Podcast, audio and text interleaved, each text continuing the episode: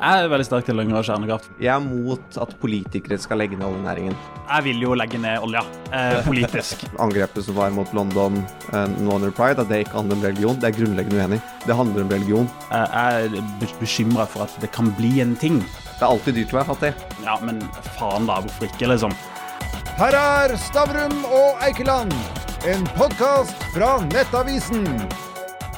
Velkommen, Ola Svenneby, leder av Unge Høyre, og Tobias Stokkeland, talsperson for Grønn Ungdom. Tusen takk. takk. Først skal det handle om miljø og lommeboka til folk. For nå er det jo mange land i Europa som gjenåpner kullkraftverkene sine for å bli mindre avhengig av Putins gasskraft.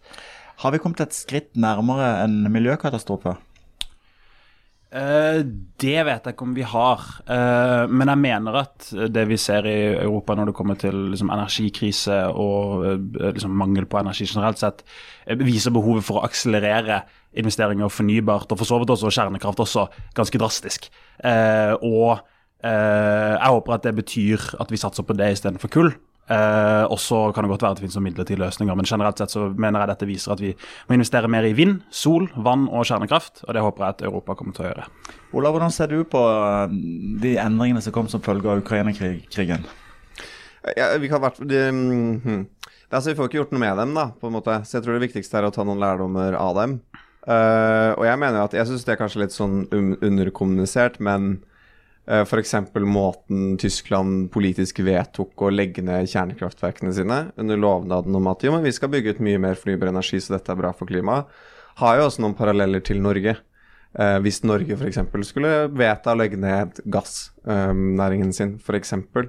Um, og så tror jeg også at vi må erkjenne at dette kommer til å bli veldig dyrt. Det kommer til å koste penger, og det kommer nok også til å gjøre vondt for en del, men alternativet er veldig, veldig mye verre. Så jeg tror det viktigste er å bruke de lærdommene man kan av det som, det som har skjedd. Da. Nå har vi slått an tonen, går rett på sak. Norge har nå, Sør-Norge har eh, rekordhøye strømpriser. Mm. Eh, bensinprisen nærmer seg 30 kroner literen. Mm. Og MDG vil øke bompengene. Dere vil jo på en måte prise forurensning. Men er du ikke redd for at det kan slå sosialt uh, skjevt ut? Altså Når du nevner f.eks. bompenger, så er jeg eh, egentlig ikke det. og Det handler om at bompenger, i hvert fall hvis det brukes riktig, eh, brukes primært for å finansiere kollektivt, som hjelper de som eh, ikke har en bil, ikke sant? Eh, som, som, må, som trenger buss og bane for å komme seg f.eks. til jobb. Eh, og, og, og, og eh, satsing på kollektivt er veldig sosialt. Men så syns jeg egentlig en del av den liksom, ulikhetsdebatten og, og, sosiale forskjeller-debatten når det kommer til klimatiltak, eh, liksom slår litt feil. For det, det, viktigste vi må gjøre, er å sørge for at folk har bedre råd. Ikke nødvendigvis bare liksom, subsidiere alt som blir dyrt, fordi vi må kutte utslipp fremover. og vi må også, Nå, synes, altså, nå ble det jo hoppet i, i, bensinpris veldig raskt og veldig lite forutsigbart.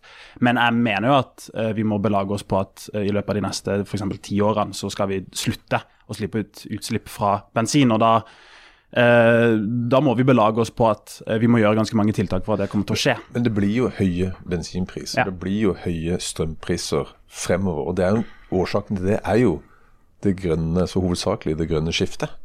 Som gjør at vi har kutta kjernekraft eh, visse steder i Europa. Man, eh, ikke sant? Også, og blitt avhengig av gass fra eh, Russland.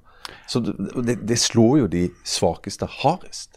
Jeg mener at eh, det å slutte med kjernekraft ikke har noe i et grønt skifte å gjøre. Eh, og jeg synes at også det å begynne å importere mer gass ikke har noe i et et grønt skifte å gjøre. Eh, og så vil jeg også si at sånn, eh, måten vi kommer oss ut av dette her på sikt, og også for så vidt eh, på kort sikt også, spesielt når det kommer til strømpriser, er å investere i ny energi. vindkraft, vannkraft og, og sol. og så på, på, lengre sikt også kjernekraft. ikke nødvendigvis bare ved å liksom, gjennomsubsidiere bensinpriser og kull og olje og gass fra kontinentet. Ola, det, det, prinsippet med å bruke grønne skatter, på en måte det å prise forurensning, det er jo, det er jo et prinsipp som også Unge Høyre går inn for. Mm. Men syns du at din uh, debatt, motdebattant her liksom skjærer hodet av seg istedenfor å barbere seg? Nei, nei, altså jeg synes jo Ikke noe galt å barbere seg, da. Han har jo noen gode, gode poenger. Altså, prinsippet kan jeg jo være enig om, men jeg tror også vi må erkjenne av at akkurat sånn situasjonen er nå, så kommer privatøkonomien generelt sett til å bli en av de viktigste sakene for folk, fordi folk får dårligere råd. Uh, og det er vi Og, og så er liksom det er alltid dyrt å være fattig. Sant? Så det er de som har minst penger fra før av, som selv om de tar kollektivt, som får konsekvensen av høyere rente, konsekvensen av uh, høyere energipriser, konsekvensen av at boligprisene også går opp, for det er ikke noe annet å bruke pengene på enn å, enn å sette penger pengene sine i bolig. Så, så, jeg tror man må liksom ha en pust i bakken og erkjenne at ok, man står i en ekstraordinær situasjon og setter inn de tiltakene som trengs. Og så betyr ikke det nødvendigvis at vi skal bruke masse masse penger på å redusere bensinprisen eller redusere eh, strømprisene f.eks. For eksempel, fordi det kan jo også føre til, øh, til, økt rente, og det igjen slår jo i hvert fall veldig dårlig ut på privatøkonomien. Men jeg tror i hvert fall vi må erkjenne, uavhengig av grønt skifte, uavhengig av Russland, uavhengig av hvilke andre saker som, som er på dagsorden, så vil privatøkonomien bli en, bli en utfordring. Mm. Men er det sånn at uh, politikerne bare altså de bare kjemper om å overby hverandre her? Mm. Fordi at de skal bli ja. mest, mest, mulig populære? Men Jeg tror ikke nødvendigvis politikere har overbydd hverandre. Men jeg tror kanskje at kompromissene av politikken til Høyre, Arbeiderpartiet, Venstre, MDG ikke nødvendigvis har hengt like godt sammen. Fordi eh, når vi trenger mer grønn energi, når vi skal kutte utslipp og når vi samtidig skal ta vare på, på privatøkonomien, så kommer vi til å stå overfor noen veldig tøffe valg. F.eks. kraftkabler. Det reduserer utslipp, men det kan også i enkelttilfeller øh, føre til økte utslipp. Um, bygge ut mer, mer vindkraft. Jeg er personlig for det. Men det har noen naturkonsekvenser. Så jeg tror kanskje at hovedproblemet er ikke nødvendigvis at politikere har gjort for mye, men det er at du mm. har bygd kraftkabler uten at Europa har bygd ut nok fornybar energi, så vi også kan importere strøm. Vi har uh, økt CO2-avgiften uten at vi kanskje har tenkt på uh, den ekstraordinære situasjonen som har opp, oppstått med Russland. Så um, jeg, jeg, jeg, hvert fall, um, jeg, har veldig stor forståelse for de som mener at politikken ikke nødvendigvis henger sammen, fordi det er, er ganske mye av den som kanskje ikke gjør det, fordi du har kompromissa med veldig mange. da. Mm. Vi skal inn på en sak som uh, miljøbevegelsen er ganske delt om, nemlig uh, atomkraft. Ja. Uh, det slipper jo ikke ut CO2. Det truer for i og for seg ikke klimagreier, men samtidig så har vi jo sett at det er en farlig teknologi. Hvorfor er du så veldig sterk tilhenger av kjernekraft? Jeg er veldig sterk tilhenger av kjernekraft fordi det ikke er en farlig energiform lenger. Eh, eh, moderne kjernekraftverk er trygge, de produserer ikke CO2, det er stabilt, og avfallet, som var det store problemet, kan håndteres. Og det er en reell diskusjon, mener jeg, og det er en litt usikkerhet om vi burde bygge det i Norge. Men jeg syns at eh, alle klimarapporter som finnes om hvordan vi faktisk skal nå klimamålene, eh, krever en god del mer kjernekraft i verden. og Da mener jeg at vi burde gjøre det vi kan for å bygge ut mer av det. Og Så er det en annen diskusjon i Norge, fordi vi har vannkraft. Men jeg er også relativt positivt innstilt til å bygge ut i hvert fall noe kjernekraft i Norge også. Det er jo ikke så lenge siden vi har hatt ulykker med atomkraftverk, både i Tsjernobyl og i Japan, eh, etterpå etter tsunamien der. Altså, Um, nei, altså er jo også uh, Det jeg mener er litt av problemet i den debatten rundt kjernekraft, er jo at uh, de uh, to kjernekraftverkene ble bygd i henholdsvis 1972 med Fukushima og 1974 med Tsjernobyl. kjernekraftverk siden den gang er ekstremt trygge. Og så skal det jo også sies at i Fukushima så døde det bare ett menneske av den radioaktive strålinga, mens ca. ja, 560 mennesker døde i liksom panikken i å flykte fra ulykken. Ikke sant? Eh, fordi man eh, gjorde det som jeg mener er et stort problem med liksom, debatten rundt kjernekraft, er at man overvurderer hvor farlig det er. Um, og, og, og, derfor da ikke bygger ut, og så da uh, får flukten fra det, uh, den ulykken til å gå for fort. Og så vil jeg også bare si sånn um, Altså en ting er på en måte at man kan godt si uh, ja, alle argumentene mot de er utdaterte nå. ikke sant? Men det man også ser i Europa nå, er at eh, debatten rundt kjernekraft også har endra seg. Det er veldig mange som sier sånn ja, kanskje det er trygt, men politisk så er det helt dødt. Men det finnes ikke en lokaliseringsdebatt i Storbritannia, det finnes ikke en i Frankrike, det finnes ikke en i Sør-Korea. Og jeg tror vi må innse at kjernekraft både i samfunnet, men også rent sånn teknisk, ikke er det det en gang var. Mm. Ola, eh, Tobias åpner for å vurdere å bygge mm. kjernekraft i Norge. Er det noe du vurderer? Ja, altså Jeg vil i hvert fall ikke utelukke det, men det er jo veldig dyrt. Uh, og så tror jeg er det Finland som nettopp har åpnet et nytt mm. kjernekraftverk som de har brukt 20 år på å bygge og kosta 20 milliarder kroner, og nå får de resultatene av det. Så jeg tror kanskje at liksom økonomiske realiteten er de 20 milliarder kroner kan vi bruke på andre ting. Men det er, jo bare, en tunnel ja. Det er jo bare et halvt regjeringskvartal. ja, ja, Eller en tunnel på Vestlandet. Ja, liksom. liksom. Altså, jeg er på ingen måte mot kjernekraft. Jeg bare, jeg, jeg, svaret er jeg vet ikke om det er riktig å bygge det ut eh, i Norge, og derfor vil jeg heller ikke utelukke det. Men jeg er veldig, veldig mot de landene i Europa som nå driver og legger ned sine kjernekraftverk. De som allerede har kompetansen, har forskningsmiljøene, har liksom rutiner for å ha, ha gode kjernekraftverk. Og så Um, hva gjelder sånn trygghet, da sånn, uh, Den kjipe sannheten er jo at man kan tåle litt ulykker med kjernekraftverk. Du kan tåle at noen dør, fordi alternativet er jo ikke at ingen dør. Alternativet er f.eks. kull, som tar livet av ganske mange tusen mennesker hvert eneste år. Eh, så, så, jeg tror liksom det er litt det jeg snakket om i sted. Da. Vi må også erkjenne at det er ikke sånn at vi har veldig mange gode alternativer å velge mellom. Vi må velge de alternativene som har minst konsekvenser. Men Ola, Unge Høyre har jo vært ute og snakka mye om å, å få ned uh, oljeutvinninga i, i, Nordsjøen, mm. særlig i nord. Uh, dere uh, har jo også altså, uttalt dere litt sånn rundt formuesskatten.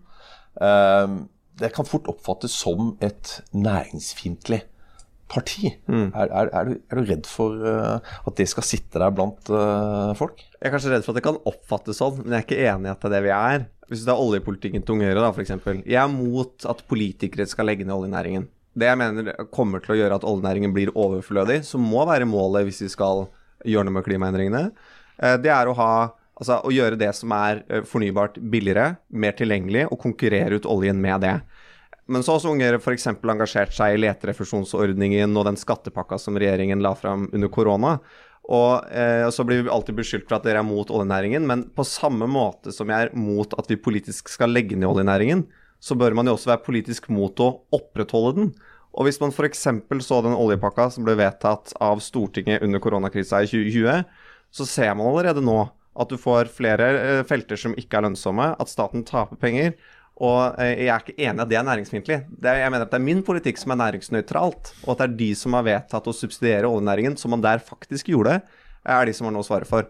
Og ved formuesskatten, eh, bare for å si det kort, jeg er for å fjerne formuesskatten. Jeg bare mener at når Høyre taper valg på valg hver eneste gang, og at de som fronter å fjerne formuesskatten er Stein Erik Hagen eller eh, Witzøe, så er ikke det det vi burde bruke ressursene våre på. Og da er det flere ting man kan gjøre. For det første så burde alle de små bedriftseierne i dette landet begynne å snakke om det. Det er ingen som gjør det, og vi, så lenge de ikke gjør det, da gidder ikke jeg ta den kampen for dem. Uh, og det andre er at uh, formuesskatten er ikke den eneste viktige skattedebatten. Det handler om bolig, det handler om generasjonsperspektivet, og det handler om f.eks. arbeidsgiveravgiften. Tobias, den, der, den innledninga på dette grønne skiftet og olje og sånn, du kunne vel vært nestlederen i Grønn Ungdom som sa det samme? Nei, altså øh, Jeg vil jo legge ned olja øh, politisk. uh, og det er fordi øh, altså La meg ta et eksempel. Jeg er fra Kristiansand. Uh, og selv om vi ikke blir sett på som en stor oljeby, så uh, mista vi under oljekrisa i 2014 uh, 3000 jobber. Og jeg er helt overbevist om at de jobbene i olja kommer til å forsvinne. Så er spørsmålet om vi skal legge rammene for det, eller om det er markedet i Europa som kommer til å gjøre det. Eh, og eh, det er der jeg mener at også hvis du bare ser på arbeidsplassene og næringslivet, det er bedre om man i det minste har en viss forutsigbarhet. Og det gjelder spesielt folk i si, eh, leverandørindustrien, som vi nå burde liksom gjennomsubsidiere og støtte en god del prosjekter, f.eks. når det kommer til havvind og sånn, som eh, ikke, er lønn, ikke, er like lønnsomme som olja akkurat nå, men som er helt nødvendige hvis vi skal klare den omstillinga. Og jeg er nok litt redd for at eh, hvis vi bare liksom skal la markedet eh, avvikle olja på sikt, eh, at vi kommer til å ende opp med en uh, situasjon der den avviklinga ikke er sakte, men sikker, men uh, veldig drastisk. Og hvis vi mister 30 000 jobber på et år, så har det mer for norsk økonomi å si enn ja, 2000-3000 hvert eneste år som er forutsigbare.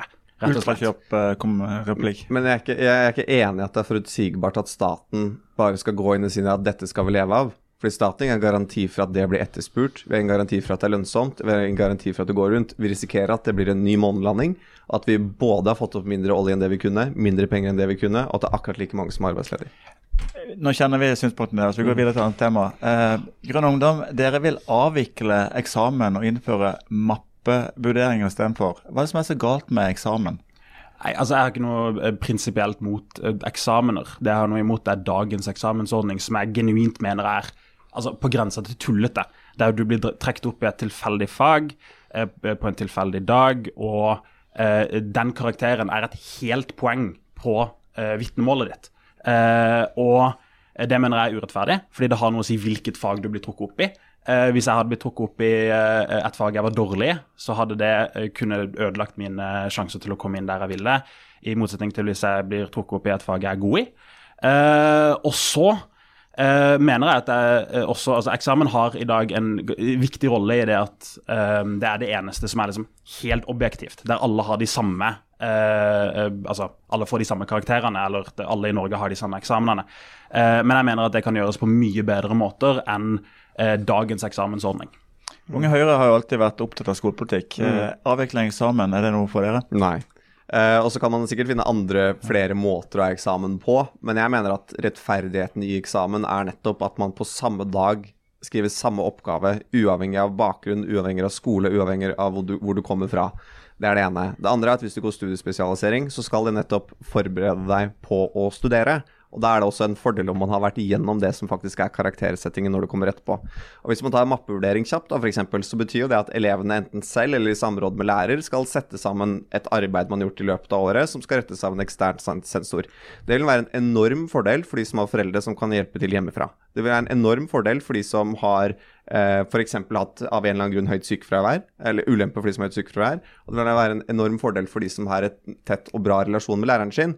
Mens de som ikke har de forutsetningene hjemme, de vil stille dårligere.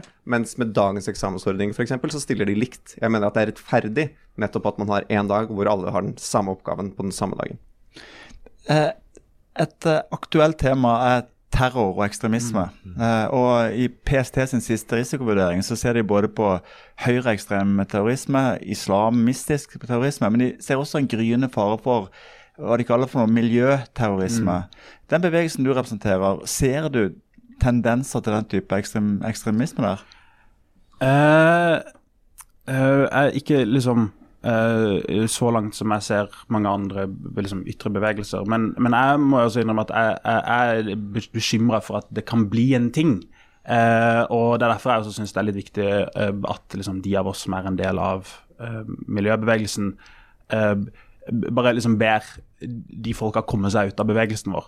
og også bare liksom si fra at sånn, dette er ikke riktig måte å, å gjøre det på. Det, det handler ikke liksom bare om sånn terror. Det har vært noen veldig få eksempler av det. Men det handler også om sånn en bitte, bitte, bitte liten del av miljøbevegelsen som begynner å, å flørte litt med uh, det liksom antidemokratiske. Uh, og Det er ikke veldig mange. Det er ikke en stor del av miljøbevegelsen. Det er en enda mindre del av MDG. men um, det, altså, Problemet er jo det at akkurat nå så er det ikke et liksom, problem, men det, kanskje det kan bli det. Og Det er jo opp til oss i miljøbevegelsen å sørge for at det ikke blir. Fordi ja, det å holde på sånn Eh, er ikke, mener jeg, akseptabelt i et demokrati. Ola, du, eh, du, har jo på en måte vært eh, åpen homofil, og vi vet jo egentlig ikke all bakgrunnen for det mm. terroranslaget som skjedde i Oslo nå i helga. Men hva tenker du om vår håndtering av homofobiske og voldelige tendenser blant islamistiske grupperinger? Mm. Håndterer vi det ordentlig? Altså, jeg jeg syns alle hadde gjort godt av, uavhengig om det er islamistisk terror, høyreekstrem terror eller miljøterror, å ha egentlig den samme erkjennelsen som Tobias akkurat hadde, som er at alle ideologier og alle religioner har muligheten til å kunne legitimere vold og kunne legitimere terror. Og mitt største problem, og dette er jo skrevet om i Aftenposten i går, eller det er vel på trykk i dag um, handler om at man prøver å lage et skille mellom vanlig i gåseøyne vanlig religion eller vanlig logi og ekstreme varianter. Jeg mener at det skillet ikke eksisterer. Så, um, så langt så har det vært flere som har sagt at det, uh, angrepet som var mot London uh, nå under Pride, at det ikke handler om religion. Det er grunnleggende uenig. Det handler om religion. Og det ansvaret må også de som på en eller annen måte har tilhørighet til det samme verdisynet, også ta.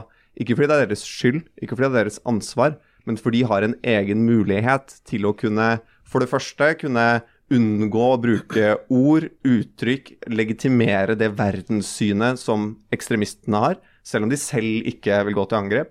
Men for det andre også fordi at jeg tror f.eks. at konservative muslimske samfunn kan også spille en viktig rolle med å stoppe folk som er på veien utover. På samme måte som at jeg mener at Frp kan være en viktig rolle for å forhindre høyreekstremisme. Fordi at de som bekymrer seg for økt innvandring, finner tilhørighet for sine problemer. Tilhørighet og liksom respekt for meningene sine i Frp. Så jeg er ikke så redd for å på en måte erkjenne at alle har et ansvar. Jeg syns man, man, må på en måte erkjenne at sitt eget verdenssyn kan forvris. Og for meg er det den viktigste sporet som debatten må på. da. Bør imamene komme på banen her? Absolutt. Og jeg syns det, det, er helt underkommunisert, uavhengig om dette var islamistisk terror eller ikke. så er det, Vi har ingen moskeer i Norge som, som vier homofile. Vi har svært få eh, moskeer som har vært ute og sagt at vi støtter homofiles rett til å eksistere og leve et fritt liv. Og så betyr ikke det at de er ansvarlig for terror. Det betyr ikke at de støtter vold. Men om det kan være med på å bidra til at andre griper til våpen, ja, det tror jeg. Og så er det, syns jeg det er rart å si at uh, voldsbruk mot seksuelle minoriteter ikke er legitimeres av religion. Men se på Iran, da. Det er et islamistisk land. De, henrett, de henretter homofile. Samme Saudi-Arabia også. Og når land med millioner av mennesker legitimerer vold og drap på homofile, så er det faktisk ikke så utenkelig at enkeltmennesker også i Norge tar saken i egne hender. Så um, jeg mener at det har de et ansvar for. Uh, ikke for volden, men de har et ansvar for å være bevisst på hvilket ord de bruker, hvilket potensial det er i menigheten deres. Og så kan man godt si ok, La oss si at dette ikke var et islamistisk terrorangrep, men at det var en, en psykiatrisk pasient. Nummer én, det er irrelevant. Det er fortsatt viktig å gjennomgå ok, hva er mitt budskap å si for de som er psykisk syke. Nummer to, vi har eh, så sier man vi har ikke hatt islamistisk angrep i Norge. Vel, Arfan Bhatti har skutt mot synagogen.